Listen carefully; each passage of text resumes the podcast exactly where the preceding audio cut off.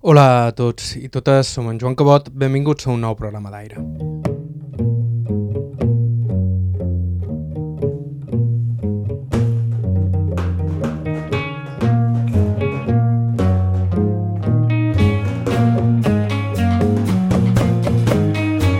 En el programa d'avui parlam de nou amb un home destacat, encara que molts no reconeixeran el seu nom. Es tracta del cirurgià i psiquiatre Josep Tomàs i Montserrat, nascut a Llucmajor el 1934 i una persona que ha destacat en quasi tots els camps que ha tocat, fins al punt que és l'autor de diversos llibres que tracten temes relacionats amb la història de la medicina, així com d'altres més generals. Josep Tomàs va conèixer i treballar directament amb Bartomeu Mestre, director durant anys del psiquiàtric de Palma, a qui ell considerava un mestre i un amic, i per qui encara avui sent una admiració evident. Però, a més d'això, va exercir la medicina en l'àmbit militar durant anys, la seva primera especialitat, fins al punt d'assistir alguns membres de la família reial i s'ha considerat l'introductor de la medicina hiperbàrica a Mallorca. Josep Tomàs ha estat un dels grans homes de la medicina a les nostres illes, algú que va néixer en una família humil i que va haver de fer un gran esforç per procurar-li uns estudis, i ell ho va aprofitar amb escreix. En el programa d'avui coneixerem un poc millor la seva vida. Estau escoltant Aire i Vetre Ràdio, doncs parla Joan Cabot, començam.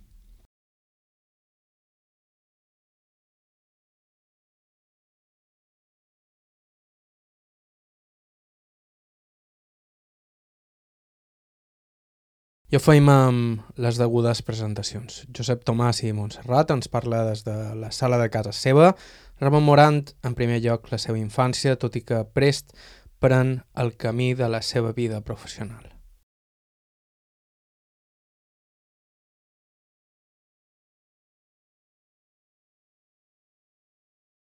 Que són Jode per ser fruit parts de, de la meva, dels meus antepassats, són joves Però avui en dia, els meus fills i les filles i tot això, ja, no, ja no tenim cap de jovejorer. És dir que l'única cosa que se pot contestar a Mallorca és que la gent cada vegada se casa i se difumina més la família amb altres gent d'altres bandes d'altres trens ja alicantins, catalans, aragonesos, a la família incorporats, cosa que antes mai havia succeït. Tots els passes no sabré. Vaig néixer l'any 1934, que fa molt d'anys, són molt d'anys això, molts, molts d'anys. I, però, en els 18 anys, me'n vaig anar a estudiar a Barcelona, i desde entonces, desde vas a diu, jo hi, hi, vaig, hi vaig perquè tenim qualque coseta, però per, per resoldre problemes o per resoldre coses, cases o les finquetes que tenim. On dic això perquè a Llumajor he vist, he vist veure a Llumajor no he vist com mai. Vaig veure sis anys a Solla i van ser extraordinàriament productius. Després ja he vengut a Palma, però dels seus anys d'infància, el que recorda Josep Tomàs és sobretot el sacrifici que varen fer els seus pares per tal que ell pogués estudiar. S'ha de tenir en compte que en aquells temps anar a Barcelona a continuar els estudis no estava a l'abast de tothom i que ell venia d'una família humil, així que aquella gent va haver-se d'estranyar el cinturó. El pare va fer... Teníem terra i feia feina del camp, de campesino, però a més era un gran sabater jo, si no hagués estat metge, m'hauria agradat ser ferrer o fuster o una cosa d'aquestes que eren les que tenien els exercicis meus van passats. Els meus van passats, jo som fill.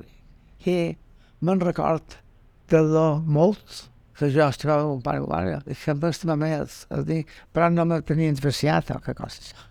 Jo sempre te vaig ajudar en el camp, en totes aquestes coses, fent feina, no, no, no, no, no, no, no, no, però uh, m'estimava molt, és dir, uh, una persona, un jugador l'any l'any 45 o 6 que, que anés a escola, uh, veig que els meus companys, molts en els 10 o 12 anys o 14 anys, els posaven a fer feina. I mon pare i mon mare van fer un esforç perquè havia començat a fer una carrera que es deia perito mercantil. I no, vaig, vaig tenir, teníem una casa, teníem una casa a, a Serenal, on nosaltres vivíem a dalt, que eren despedits, i a baix hi vivien uns, uns, uns palmesanos, uns palmesanos que van ser, que eren mestres d'escola. I van dir, eh, no, no, no, no, comenci el batxiller, hombre, que aquest és lot. Bueno, el molt, molt, el que això és de menys, però que aquest soldat té, té qualitats o el que sigui. I, va, i m'ho van dir, has de canviar. I vaig canviar als 11 anys i vaig, començar a fer el batxiller. És a dir, jo anava per una altra carrera, un altre, un altre mode d'enfocar la vida. I van enfocar a, a fer el batxiller. És dir, que meu pare i ma mare van estar disposats a fer qualsevol sacrifici per jo, com tal que jo pogués estudiar a Barcelona. Tinc en compte que a Barcelona, per aquell entonces, on estava una pensió no era barato. I anar a Barcelona costava un tot més i t'havies de, de, de, de, de comprar des d'una maleta passat els llibres i els llibres a Barcelona eren molt cars i es fer, i es fer feina. Clar, jo vaig tenir gran sort de que, a, que, a, que me'n vaig entrar per un amic meu uh, que hi havia una plaça que es convocava unes places per l'Esperança, per l'Hospital i em vaig presentar i me van donar la plaça i això va representar per casa nostra perquè és de no tenir que enviar-me per 100.000 i pico de pessetes que m'enviaven cada, cada mes. Uh, tot això ho dic perquè el, el món és complicat. A més, anàvem unes vegades a unes coses i uns puestos que no, no havíem pensat mai. Jo ni havia pensat mai en ser metge, ni ser metge de marina, ni fer estar a un manicomi i tenir una plaça en el escola perquè ho vaig tenir per, per, per tenir els escrits normalment aquestes coses dir que no el vaig tenir i després aquí a Palma vaig veure, no, vaig veure oposició i vaig fer vaig, jo vaig fer oposicions la vida molt dur un puesto on no havien, no havien somiat mai jo pensava que això però està creu no, que jo he estat el metge d'un cardenal de Santa Maria Iglesi. Sí, i me va dur a, unes certes circumstàncies, perquè això, un dia em coneixia jo, jo va conèixer que, que he estat, que he fet, jo he visitat la reina d'Espanya, i li he posat unes injeccions de la reina d'Espanya, li he posat un guix a un peu, com és possible això? Pues, per les circumstàncies, tot perquè jo sigui més, més, més lleu ni més espectacular que els altres, si, si estaven després, són els moments que no estava l'alt. Ho entenc. Tot això és sort. L'altre dia de pagès vaig estar amb bons almirants. I precisament també fer aquesta pregunta. I ha canviat tant. Ha canviat tant. Tot, tot ha canviat. Tot ha canviat. Ha canviat i està canviant. Tal. Ha canviat el mode de ser metge. Ha canviat el mode de ser militar des de... Jo vaig estar a un hospital militar on la gent tenia ben rebuda, com tal, volta, més ben atesa que la gent fa que et segura l'enfermedad. Tenim ja les, totes les coses, fins després que la gent s'ha anat uniformant. Dir que això perquè l'assistència metge, no només la metge, l'assistència sanitària en els militars i l'assistència assistents civils. Ha canviat completament. Jo ho veig. Ahir encara vaig trobar dues persones que van dir ai, don Pep, me'n recordo vostès, ai, que estaven de content quan venim a la consulta perquè, perquè jo deixava conversar la gent. Tothom que venia, conversava, home, no pots estar dues hores com el lògic, però de tothom, jo el coneixia tothom. Tothom, ser ben cert, que em coneixia jo. No, no era una cosa només jo vull conèixer el metge, sinó que el metge també volia conèixer a ell i a la família, perquè quan estava sola, fins i tot la meva família s'involucraven, o oh, viviu perquè sola està completament anar a duix, o has d'anar a les cases, per dir, quan és qüestió de saber on estan les cases, qui són els que viuen a les cases, tot això, això ha canviat completament.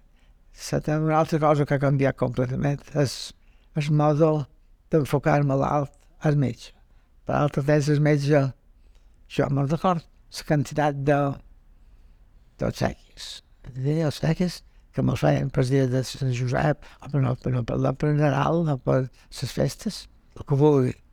des d'un pollastre, passant per gambes, jo que era metge de les, gamberes, de les gamberes de solla. Ai, a tornen tu gambes, en lloc de la, no, gambes t'imagines ara dir el que valen les gambes, i el que ja volien, perquè, ho dic perquè a solla sempre en l'esport, a solla, sempre hi ha gamberos, les gamberes, les gamberes, que eren de la part aquesta de, de, de, del sud de Catalunya, que tenien, s'anava qualque diumenge, cada 15 dies anaven a fer dos dies allà, i quan venien, normalment, duen gambes, havien agafat d'això i emborcar-se en el metge. Això, en, lo, lo, i això avui en dia no crec que hi hagi molta vol que li diguin, jo no, jo fa anys que no vaig a de medicina perquè l'edat no perdona i dic que és qüestió de sempre s'ha retirat i jo també me vaig saber retirar però uh, veig com, com funciona això. Això, el món ha canviat tant, ha canviat la medicina. La medicina antes era una medicina i jo més familiar, en dia és més tècnica. Eh? La gent uh, és més important veure qualcú, qualcú ni siquiera cau a la conversa amb ella. Automàticament li fan una radiografia, li fan un electrocardiograma i un anàlisi. Amb això, el més important per, per la salut d'interpretar el que tens, més important que, que conversar amb ell, perquè malalt te diu el que però, però per curar-lo no.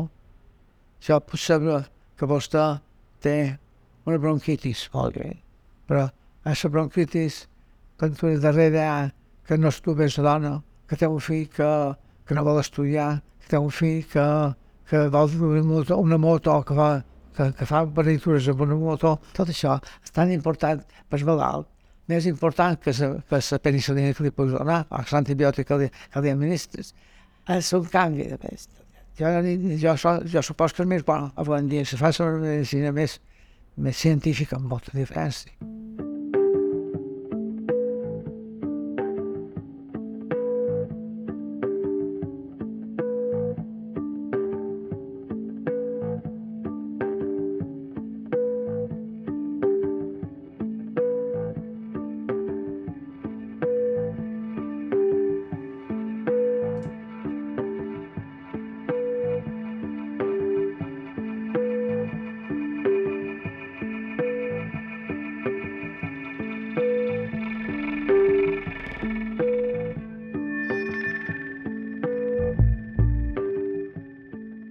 I on de veure s'ha canviat la medicina és en un altre camp que Josep Tomàs ha conegut directament, la psiquiatria.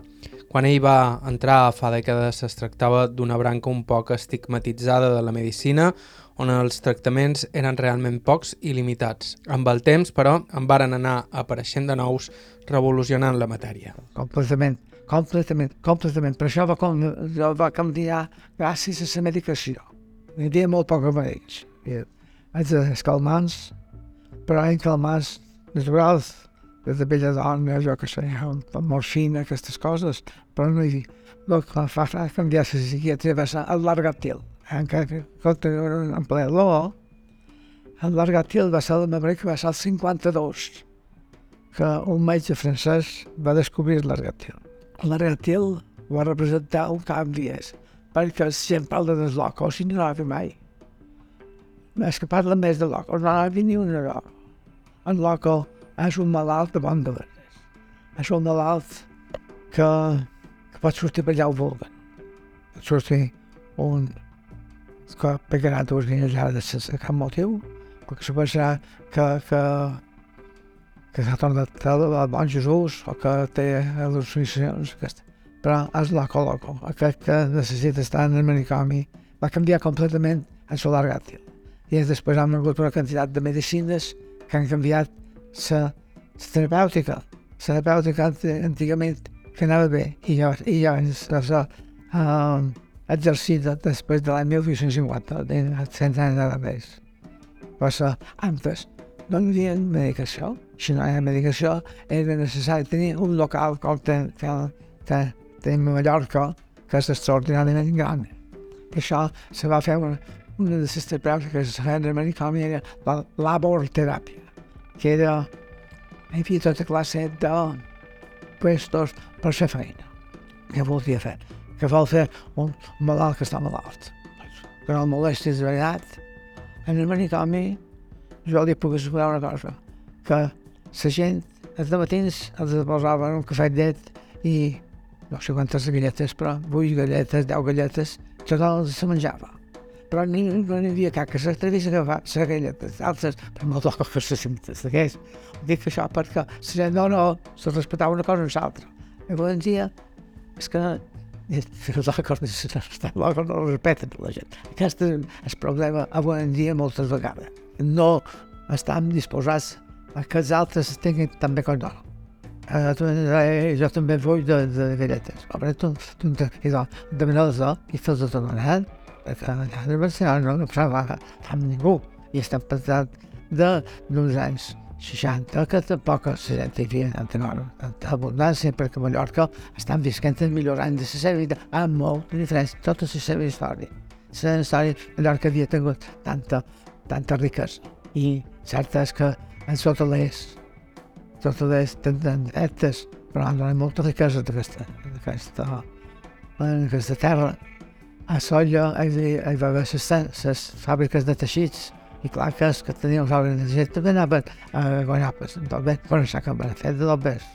Ho dic això perquè la humanitat cada vegada va dissent millor, altres diuen millor que el segle. En, que deien Felipe II, el rei sol de, de, de França, no vivia tan bé com un, o com un xofer d'autobús o d'aquestes coses que tenc, un xofer de moltes vegades, perquè, perquè ho dia la gent té un puesto per menjar cada dia, menja calent, té calefacció o aire condicionat, té una dutxa cada dia o cada setmana o cada vacació, i això no ho tenia ni el rei.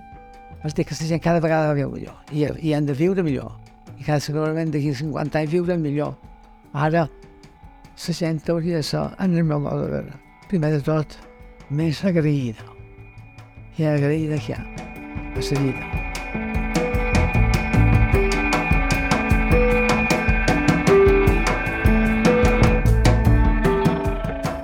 Era Josep Tomàs, metge lluc majoré, nascut el 1934.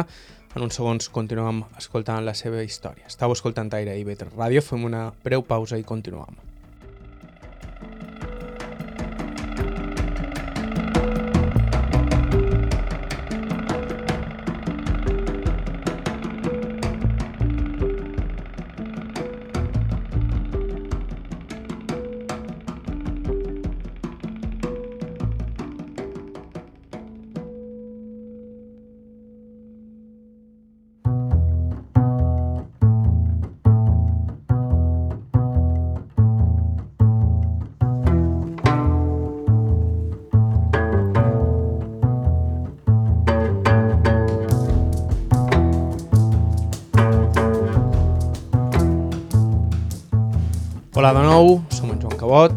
Escoltant Aire a IB3 Ràdio, avui amb un programa protagonitzat pel metge especialista en psiquiatria i medicina militar Josep Tomàs, nascut a Llucmajor el 1934. Josep Tomàs va estudiar a Barcelona en uns temps en què això estava només a l'abast d'uns pocs. Una proesa, sobretot si tenim en compte que parlam del fi d'una família humil. En tot cas, Josep Tomàs ja era des de ben petit una persona molt inquieta, una inquietud que ha mantingut viva al llarg dels anys i que explica que hagi passat d'un camp a un altre i que hagi tocat branques com la psiquiatria, la medicina hiperbàrica o la medicina general. I això que m'agrada si som més metge, psicòleg o psiquiatre, li diré que jo per una sèrie de circumstàncies vaig estudiar a Barcelona i vaig estar a un hospital que està a Casariu, i actualment és un hospital de Nuestra Senyora del, del, de l'Esperança, de l'Esperança. És un hospital municipal. Està això veïnat a la plaça Neixen de l'Eixet de Barcelona. Aquí vaig estar cinc anys internat. Vaig fer, I allà vaig fer cirurgia, vaig fer neurologia i vaig fer també un pot d'al·lèrgia. Això després quan tenia 18 o 10 anys vaig tenir l'hotel de Majorera i clar, quan vaig acabar la carrera que la vaig acabar el temps que tocava 50, 59 vaig començar, vaig acabar la carrera. Tenia ganes de casar-me. Per això vaig fer oposició. Vaig anar a Madrid, vaig estar tres mesos on, fent oposició. Vaig treure la plaça de metge de sanitat de Sant Madre. Imagina, imagina. I als 60 me vaig casar. Vaig estar mig any a Marín, a l'escola naval de Marín. Van recórrer amb els vols mediterrani i després ja me vaig casar. Me van destinar a l'hospital de Cartagena, un hospital gran, enorme, amb unes condicions per jo extraordinaris perquè vaig poder fer allà cirurgia, som jefe de cirurgia, vaig poder fer tocos, ginecologia. Vaig ser també l'ajudant del jefe d'obstetrícia de ginecologia de Cartagena, anys també. I li ajudava a totes les operacions. Bueno, com que tenia ganes de viure a Mallorca, vaig demanar permís per venir destinat a Solla, vaig venir destinat a Solla. Vaig estar cinc anys a Solla, del 65. Vaig arribar al 66, 65-66 a Solla, vaig estar destinat allà fins al 72, que, va, que vaig venir destinat a Palma, i del 72 fins ara, estat mal, és dir que abans jo, he pogut anar poc, he viscut, no he viscut el que esteu viure, tenim, i una casa muntada, és que tenim casa a Llobejó, i des de que me'ls van casar en saber de l'avi 60, 61, tenc casa muntada, fem això, i no m'he vist mai, no hem de dormir mai, molt bravo. Aquí a Mallorca, què vaig fer? Per que sí, sempre he estat aficionat a estudiar, i he estudiat més després de, de, de acabar la carrera que molt tantes d'estudiar de, de medicina. I vaig, a Cartagena vaig trobar unes condicions extraordinàries de gent que havia fet el doctorat, que estava fent el doctorat, doncs estava, havia fet un doctorat de molt a Anastàcia, que havia estat uh, destinat a Dinamarca, és dir, la gent, la gent havia, com que per ser jefe havien de ser doctors, el més important era fer el doctorat. Jo vaig tenir la sort de que un dels meus professors que havia estat a l'Esperança catedràtic d'histologia, d'histologia a, a Cádiz.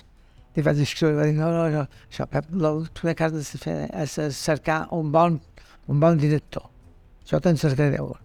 I va cercar a València, jo estava a Cartagena, a València, que tenia més a prop per anar a fer la taixa doctoral, se deia López Pinheiro, un catedràtic extraordinari, jove, quasi com jo, però que un motor, no un motor, un motor de, de, de, de, de, de, transatlàntic, feia, feia tot el dia, un senyor que volia dia, dia, dia de primer de tot junt, després s'havia d'instal·lar a la Universitat de València i que López Pinheiro uh, escrivia tot el dia explicava coses, sabia alemany, anglès, francès, un personatge extraordinari de la origen fa un parell d'anys. Aquest senyor li vaig escriure, va dir, vine de que vulguis almorzar jo. L'autobús hi havia, hi havia una, una línia d'autobús que va de, de Cartagena a València. I vaig ficar a les 7 de matí i a les 11 o a les 10 a la mitjana de València. Vaig a veure aquest senyor, el van posar d'acord i va dir, escolta, com que vaig bé, te dono a llegir un parell de llibres, me fas aquestes fitxes i me dones a venir a veure com vulguis. D'aquí tres setmanes me vens a veure. Vaig anar, les fitxes, ah, m'agraden molt aquestes fitxes, te faré de per dir. Vaig començar a fer fitxes, cada 15 dies anava a València. Com que les, les necessitats econòmiques no eren, no eren massa boiat, tampoc.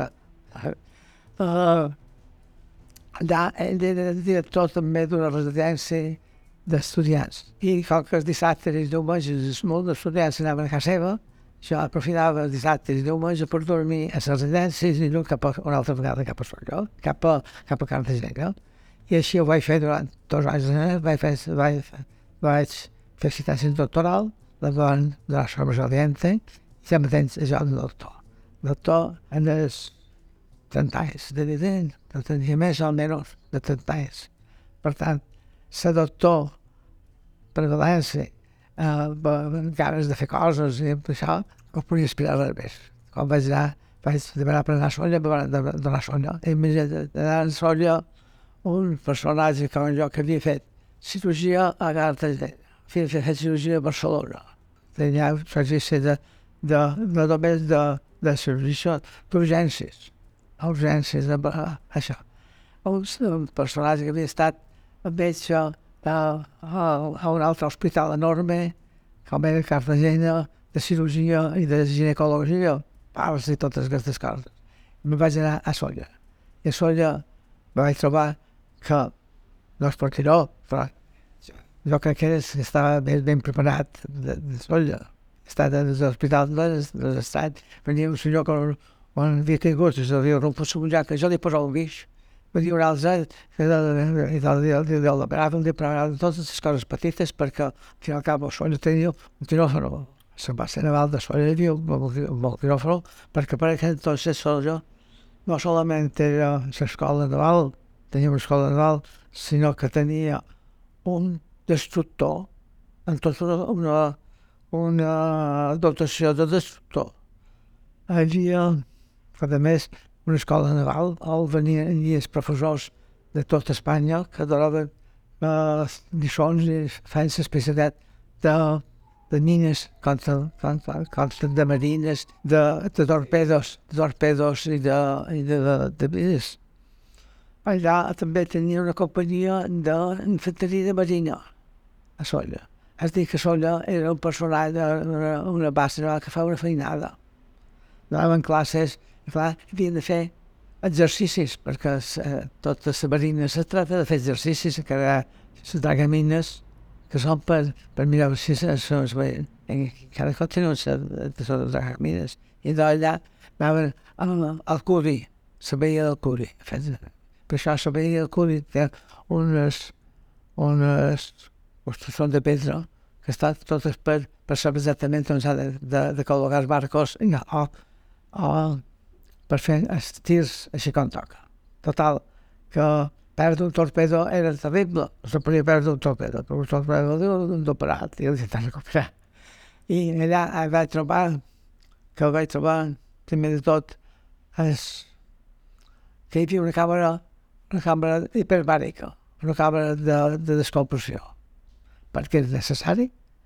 Com que hi havia gent que fer, descom, havia de fer busseig per treure els torpedos, eh, perquè el cul el que té, el que té és que pareix que tot és, és, és arena, no se'n perdia ni un, se, se quedaven, els recuperaven i els tornaven a posar fent, fent els, els exercicis amb torpedo de bon de veres, però no, no se'n perdien, ni s'espanyaven, però, però, però, però, però Quan que està parlant de l'any 50 a l'any 60 i això, el torpedo volia una do barata. Era costat superior. Total, que això me va servir, vaig començar a fer medicina subaquàtica. Perquè, perquè vaig tenir una camereta i clar, era que tot això que van ser els començaments, els començaments dels, dels d'estudisme de bons de Bones a Mallorca va, va, va de fer uns, uns papers que jo donaria, com, donaria assistència en els, en els que venguessin amb, amb un problema de, de, de, de, de descompressió. Tal que tenia una, una camereta petita, una càmera molt petita, no?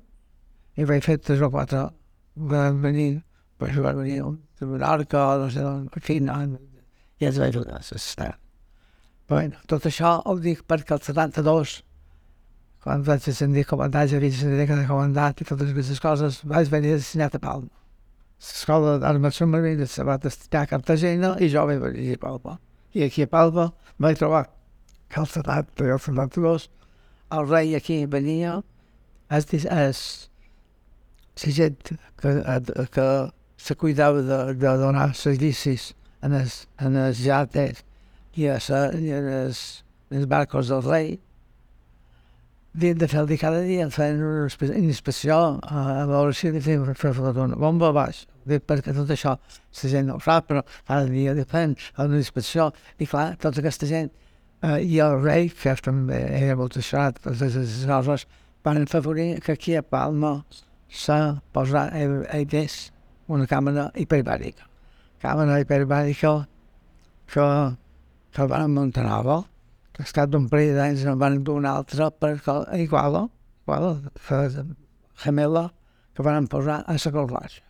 Clar, tot això, qui eres que en sabia un poc? És jo, perquè, perquè eh, eh, hi havia especialistes, pareixen que hi havia uns grans especialistes de, de, de, de, de, de, un gent extraordinari d'antisubmarini, de, de gent que fa submarinisme en personal, eh, que, que en sabia més que els altres.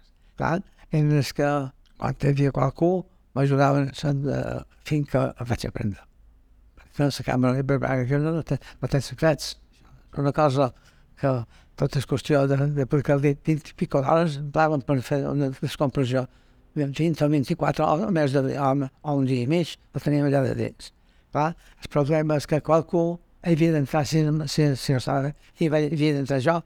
Per entrar allà sempre se necessita posar a una càmera, la càmera té una anticàmera que permet que, que, el, que el compromet que no un cada entrar i després pot per fer I des d'entonces em tindrà més vilat, no? Perquè entrar a veure un malalt a un puesto on està la pressió que està, van, tant, tu t'han de, de posar i t'han de posar a poc a poc. Per poc a poc que vulguis, ha sempre estat tenint que has d'entrar, però estàs en un, un puesto d'urgència i aquestes coses. Total, que vaig dedicar-me a i vaig fer un treball que se diu uh, en la, vaig, fer, vaig publicar un rosario que diu accidentes en la mar.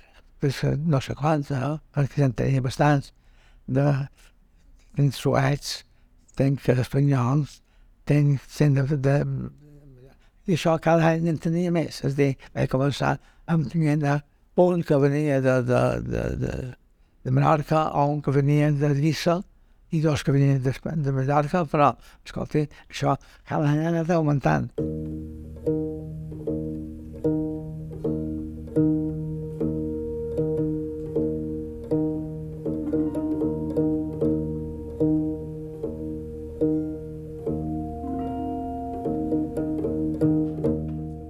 I també va anar augmentant amb el temps el seu interès per la psiquiatria, en un moment donat, l'interès de Josep Tomàs es va desplaçar de la cirurgia cap a la ment humana. I va ser aquí on va entrar en contacte amb Bartomeu Mestre, històric director del psiquiàtric de Palma, amb qui va forjar una amistat de per vida.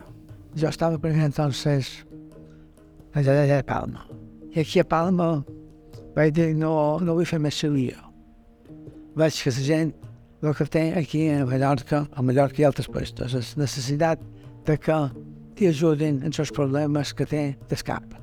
La gent està nerviosa, eh, cada vegada més gent que no dorm, ha cada vegada més gent drogadita. Començaven les drogadites que van començar, per exemple, tots els drogadites en sang de, de diesel, però que després a Mallorca tot això en l'any 70, entre el 70 i el 75, això va, va ser el, el va començar la gent Venien rodilles, clar, en el aquell entonces, havia anat a veure el director del manicomi, que és don Bartomeu Mestre. Aquest doctor de Mallorca. Me'l van fer molt amics des del principi, ja no sé, no, me'l van, entendre molt bé. Total, que jo vaig ser de noche. Desgraciadament, el 96, crec que és el 96, se va morir, se va morir en els meus braços, aquí a la clínica a Roger antecedent Mare Nostra. Molt bé. Llavors, jo, en el canvi, començant a veure malalts. I vaig, vaig començar a fer l'especialitat. Vam estar tres anys, tant a Barcelona a Miremos, cada, cada any m'havia de determinar, fins que me van donar el títol de, de, de psiquiatre. Ja tens el títol de cirurgia general i de, de, de quina cosa més, més, més diferent. Ja va dir, com és possible això? Pues sí, és possible i de cirurgia no, no va interessar més. Bueno, va interessar per saber com va ser cirurgia, però no per, per exercer-la, sinó a mi després m'interessava molt més saber per què la gent no està contenta, per què la gent està enfadada, per què aquesta agressivitat que hi ha, perquè a, a, a tot això un procés s'ha desenvolupat molt més després de la mort d'en Franco, però en fi, antes també començava aquesta, aquest problema. Problema sempre hi ha això. Però no, avui tenim el mateix problema que tenia els romans quan van, van estar millor. N'hi ha més perquè són més i hi ha més problemes perquè hi ha més, més persones, però problemes sempre n'hi ha hagut. Això ho dic això perquè ara estic interessat, són pas del puestos alts, però estic interessat a veure el balbucí, perquè la gent ja no sap què és el balbucí, però a Mallorca, des de les retileres, des places de Jordi, passant per altra gent, sempre hi ha hagut aquí gent, les dones s'havien de defensar, defensar, com defensar tinc que defensar contra les agressions de l'home, contra les agressions dels fills i les agressions de, de, i fi que s'ha de defensar per los polleta o donar los matalazes. I això és una cosa que ara m'interessa molt. Dic això perquè uh, ara estic darrere d'això. I el que no trobo són casos descrits. La gent no en parla d'això, no en vol parlar. El mateix que la gent no vol parlar dels divorts. La gent de les coses dolentes no en vol parlar i va molt bé. No és agradable parlar d'aquestes coses. En el psiquiàtric és que estava mal de bon de verdes. Venia en el seu germà cada 15 dies quan estava malalt. I li ponen l'electrojoc. L'electrojoc està tan mal vist.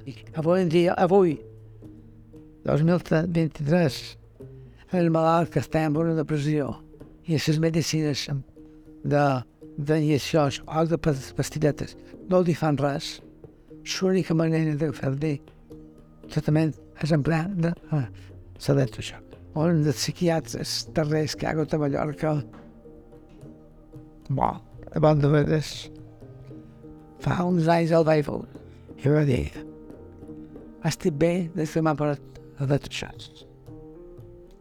Però ja va dir, l'electroxoc li donen una injecció neta per dormir, Pareix que l'electroxoc avui, avui, eh, qualsevol, qualsevol llibre de psiquiatria, de bon de veses, encara el que fa més bé és l'electroxoc. Doncs vaig estar, diu que està entre els 72 i el 80, una cosa així. Allà, en una plaça. Jo anava a les 7 des de matí, a les 7 des de matí ja era allà i les històries clíniques. Eh? Vaig fer una revisió de tots els malalts. De tots allà els van, van, van, van, van la monja me tenia preparat cada dia tres o quatre, i en tres o quatre que feia, i vaig ensenyar a fer altra cosa, fa, fa molt de bons, fa, fa tot el dia, ho entenc. Per fer feina tot el dia és qüestió de començar bret. De moment anava a les 16 allà, començava i la, la monja en tenia sempre tres, perquè els malalts el que volen saber. I efectivament, les monges diran el que volen les monges, però les monges han estat un gent extraordinari per, per el poble. El poble, a Llubajó, enfermera, n'hi ha, ha per tot, però a l'altre entendre, eh? eh? Quieres que posar una, una injecció, o quieres que el des de, cada vuit hores han de posar una injecció. Això vol dir que no se fan, és que no se pot fer. En canvi, les monges, les que te guardaven els vespres d'assistir als vespres, si tenies un malalt a un poble, la monja venia, quedava a teva, fins que nen. I a l'hospital i a les clíniques, perquè tenc altres, són dues de clíniques, més clínica pla Roger, estava ple de monges, de tenien monges, monges de la candidat, tot això ha desaparegut. I això que és bo, doncs, suport que és bo, perquè ha augmentat el nombre d'infermers, infermers és una persona més tècnica, torna a el mateix, el que cantes, tot. Això se compensa. Sí, se compensa perquè però és molt més car. Tinc en compte que a Mallorca, una de les ha sempre han estat els curanderos. I perquè si anava un curandero. Primer tot perquè l'escoltava. Una segona perquè era més barat. Anar un metge sempre està més car que anar a un. La gent, la gent a Mallorca ha estat pobra hi havia molt de pobres. A Valentín no, això, els joves no, no ho saben. Molts han oblidat també qui era Bartomeu Mestre. Josep Tomàs, de fet, em recorda una frase feta estàs per anar a Can Mestre, que era sovint el que se li deia a algú que havia perdut el cap. Amb Mestre, Tomàs hi mantindria una relació molt estreta. Precisament ara fa 15 dies, a Falanich, vaig fer una conferència de model perquè presentam dia 6 de, del mes que eh? en el Col·legi de Metges un llibre que va escriure ell de la Guerra Nacional, de la Guerra de Mallorca. Va ser l'última paraula. I havia de tornar fer una presentació de llibre. Això és que jo, mestre, era molt amic fa un cas en viatjava junts, vam escriure un joc, un joc, un llibre que es diu Ritmos Biològicos, Ritmos Biològicos, el va publicar la casa Roche, Roche, Roche, en l'ordinador Roche, va publicar, publicar unes, unes monografies dels altres metges i nosaltres mos perquè això me va, van venir aquí, tenies consulta, ha estat un mes de dos enviat el borrador i va dir, ja ho duc, però vostè m'ha publicat el borrador. Diu, sí, és tan, tan interessant això que han publicat el borrador d'aquest llibre. O dir, van dur aquí, aquí, jo sé consultes meu de... Això, fet de, de, de Madrid. Que du un llibre nou. És dir que tot això és confirmar que la vida ha canviat. Tot canvia, I tot canvia i ara canviarà molt més. Està bé, per això més important de la meva vida ha estat els antibiòtics l'hospital va deixar de fer mal a l'olor quan van començar a donar antibiòtics. La gent que tenia pròstata, que tenia la bufeta fotuda, dir qualsevol cosa, la gent que tenia pus i tot això fa una especial. Va canviar els antibiòtics. Però el que ha fet canviar la mentalitat jo, de la mentalitat molt tifó i molt passat, la píldora. La píldora aquesta que prenen les lotes joves ha estat impressionant. Per això, tal vegada el que ha influenciat més en el canvi de vintades. I com això? Après, com això? Això ha duit també que les dones s'han incorporat molt, molt més a la, a la indústria i van fer una feina fora. Això no són dos, no, no per viure, han de viure tots dos, tots dos han de portar qualque cosa. Si la dona fa de dependenta, fa de cosa, però ha de ser qualque cosa. Però tota aquesta gent aporta cada mes X pessetes, cap en dòlars, això, a euros, per l'home que fa de xòfer o fa de, de ferrer o fa de, de toler. Això, la pilota ha estat impressionant.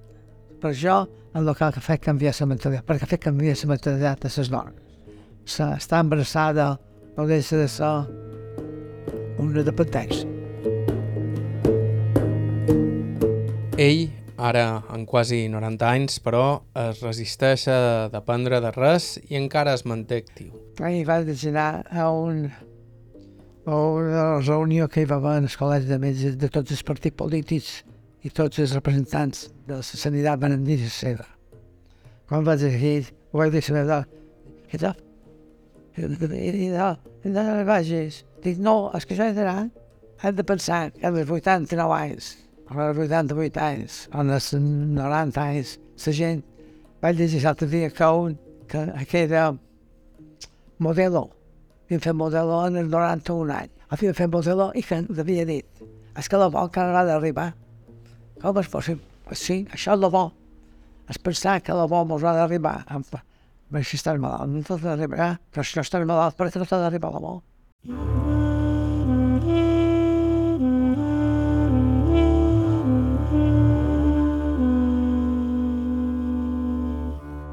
I fins aquí el programa d'avui.